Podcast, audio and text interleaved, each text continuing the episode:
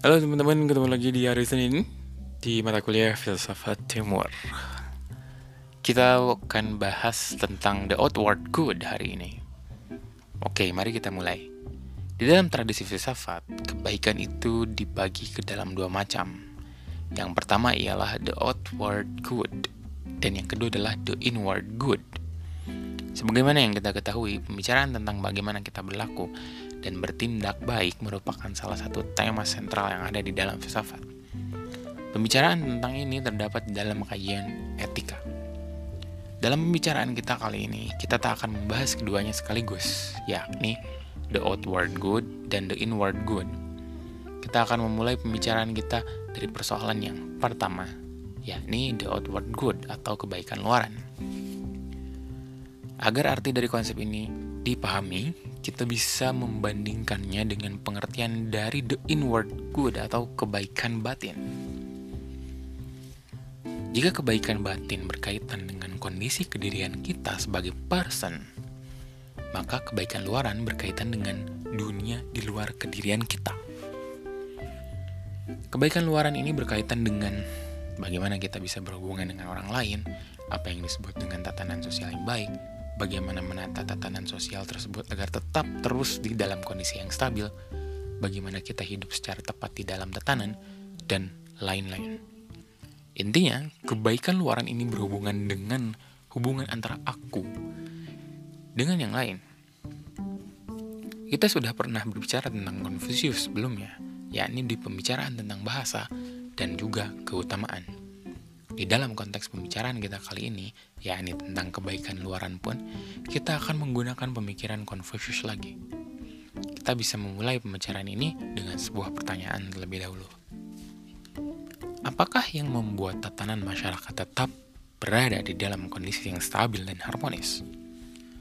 Sebelum menjawab pertanyaan tersebut, kiranya kita perlu mengetahui terlebih dahulu asumsi kosmologis dari pemikiran Confucius. Dan tentu, ini pun dianut oleh para filsuf timur pada umumnya. Bagi Confucius, alam semesta itu bersifat harmonis. Setiap bagian yang ada di alam tersusun dengan rapi. Setiap bagian hidup dan bergerak sesuai dengan posisinya. Lalu, alam semesta itu sendiri bertingkat atau hierarkis. Dalam artian, ada bagian yang paling sempurna dan ada bagian yang tidak sempurna. Confucius mengatakan bahwa di alam manusia yakni tatanan sosial, terdapat juga hierarki seperti alam semesta. Bahkan struktur alam semesta dan alam manusia itu tidak terbedakan satu sama lain. Maka adalah tugas manusia untuk tetap mempertahankan harmoni realitas. Bagaimana caranya? Agar kita tetap berada dalam keadaan yang harmonis, kita mesti menyadari posisi kita di dalam tatanan masyarakat. Lalu, kita bertindak atau berlaku sesuai dengan posisi tersebut. Oleh karenanya, jika tak ingin tatanan sosial kacau, maka kita tidak boleh menyimpang dari posisi dan status yang kita punya di dalam masyarakat. Misalnya, seorang raja bertugas sebagai pemimpin negara, dan karenanya ia wajib untuk bisa mengatur rakyatnya dengan baik. Sedangkan rakyat adalah yang dipimpin, sehingga ia wajib untuk tunduk pada titah seorang raja dan tidak boleh membangkang. Contoh lain misalnya seorang suami mesti mengatur rumah tangga, sedangkan seorang istri mesti mengerjakan pekerjaan-pekerjaan rumah tangga, seperti mengurus anak, memasak, dan menyusun barang-barang yang ada di dalam rumah dengan baik. Setiap orang sudah memiliki posisinya masing-masing, dan setiap orang karenanya tak boleh saling mencampuri urusan orang lain. Mereka harus hidup sesuai dengan status mereka itu, dan hidup yang sesuai dengan struktur yang ada di dalam tatanan sosial akan menjamin harmoni tatanan sosial itu sendiri. Dan pada titik itulah manusia telah hidup sesuai dengan harmoni alam semesta. Confucius kemudian menegaskan bahwa yang membuat stabilitas sosial tetap bertahan ialah karena adanya praktik ritual atau yang ia sebut sebagai li. Apa itu praktik ritual? Praktik ritual ini jangan dibayangkan sebagai ritual keagamaan saja. Seperti Islam misalnya, ada salat, puasa, dan ibadah haji. Ritual dalam konteks pemikiran Konfusius lebih luas daripada itu. Baginya, yang disebut dengan ritual adalah setiap praktik-praktik sosial yang terstruktur. Praktik-praktik sosial yang terstruktur itu misalnya berkaitan dengan bagaimana kita bicara dengan orang tua, bagaimana kita mengenakan pakaian yang layak saat pergi ke pesta, bagaimana kita memperlakukan saudara kita, bagaimana kita memberikan hormat pada pemimpin negara, bagaimana kita berhubungan dengan lawan jenis, dan lain semacamnya. Ritual ini intinya berkaitan dengan tata cara bertindak dengan baik. Sosok Konfusius itu sendiri merupakan sosok yang serba proper. Suatu ketika diceritakan ada seorang yang baru saja merebut tahta dari raja setempat. Lalu orang yang baru saja merebut tahta ini berkeinginan untuk mengangkat Konfusius sebagai seorang penasihatnya. Tapi Konfusius tidak memenuhi dan tak pernah datang atas permintaannya. Alasannya karena perebutan tahta itu merupakan suatu hal yang salah. Dan Konfusius karenanya menolak legitimasi posisi sang perebut tahta tadi. Namun, sang perebut tahta ini bisa dibilang sangat cerdas, sehingga ia mencoba membuat siasat agar Konfusius bisa dibujuk. Ia sadar bahwa Konfusius adalah orang yang sopan dan selalu menghormati tindakan orang lain. Akhirnya, sang perebut tahta ini pun memberi seekor babi sebagai hadiah kepada Konfusius. Karena Konfusius sadar bahwa pemberian seseorang itu mesti dibalas, maka ia mau tak mau mesti datang ke tempat sang perebut tahta tadi. Mungkin kita berpikir bahwa tindakan Konfusius ini konyol atau terlalu ribet. Namun Konfusius sadar dan yakin bahwa kita harus tetap melakukan ritual atau li tadi di mana pun dan kapan pun. Tapi kenapa sih Konfusius begitu ngotot dengan praktik ritual?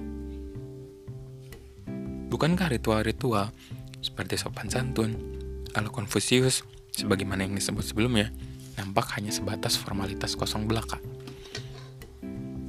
Tentu saja, apa yang dianjurkan Konfusius ini tidak hanya sebatas formalitas belaka. Alasannya, bagi Konfusius, ritual-ritual itu sebenarnya menyibak atau menunjukkan suatu hal yang penting, yakni kebaikan, dan juga ketepatan kebenaran tindakan atau yang ia sebut sebagai yi. Dan kebaikan itu sendiri merupakan ruh utama dari harmoni yang ada di dalam tatanan sosial, juga tentu tatanan alam semesta seluruhnya.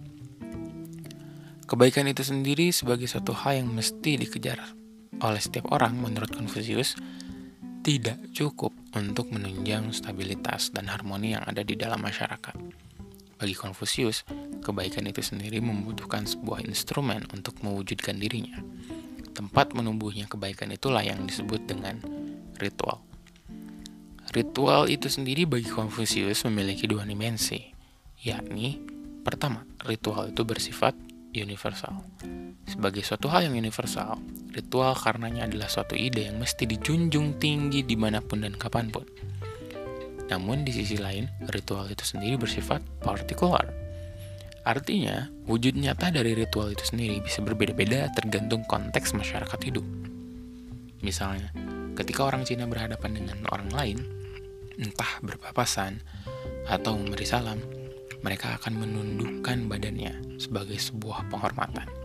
Namun, kita sebagai orang Indonesia tak perlu melakukan itu untuk memberikan penghormatan, karena kita memiliki cara lain, Misalnya, cukup dengan jabat tangan saja.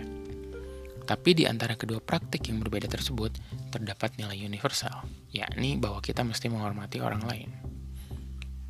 Tentang kebaikan itu sendiri, Konfusius mengatakan bahwa kita tidak perlu diajari untuk memahaminya. Karena bagi Konfusius, sebagai manusia, kita sendiri sudah memiliki bawaan pemahaman akan yang baik. Tapi di sisi lain, Konfusius mengatakan bahwa untuk mengaktual kebaikan itu sendiri, kita perlu diajari oleh seseorang, yakni guru. Konfusius menekankan bahwa kita sangat membutuhkan guru untuk memberi petunjuk bagaimana mewujud nyatakan kebaikan itu sendiri, yang adalah ritual itu sendiri, di dalam sebuah masyarakat. Pendidikan karenanya amat sangat penting bagi Konfusius. Ada satu hal lagi yang perlu diketahui, yakni tentang pengatur moral dan ritual. Pengatur moral dan ritual yang penting bagi masyarakat menurut Confucius adalah pemimpin negara. Confucius bahkan sangat menekankan dimensi ini. Baginya pemimpin negara adalah sebuah figur atau sosok contoh bagi masyarakat.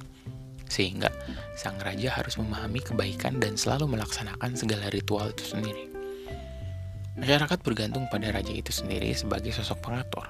Bahkan, masyarakat akan melakukan ritual dan melaksanakan kebaikan hanya jika seorang raja melakukan hal-hal demikian. Jika tidak, bagi Konfusius, jangan harap akan terjadi sebuah tatanan sosial yang adil dan harmonis.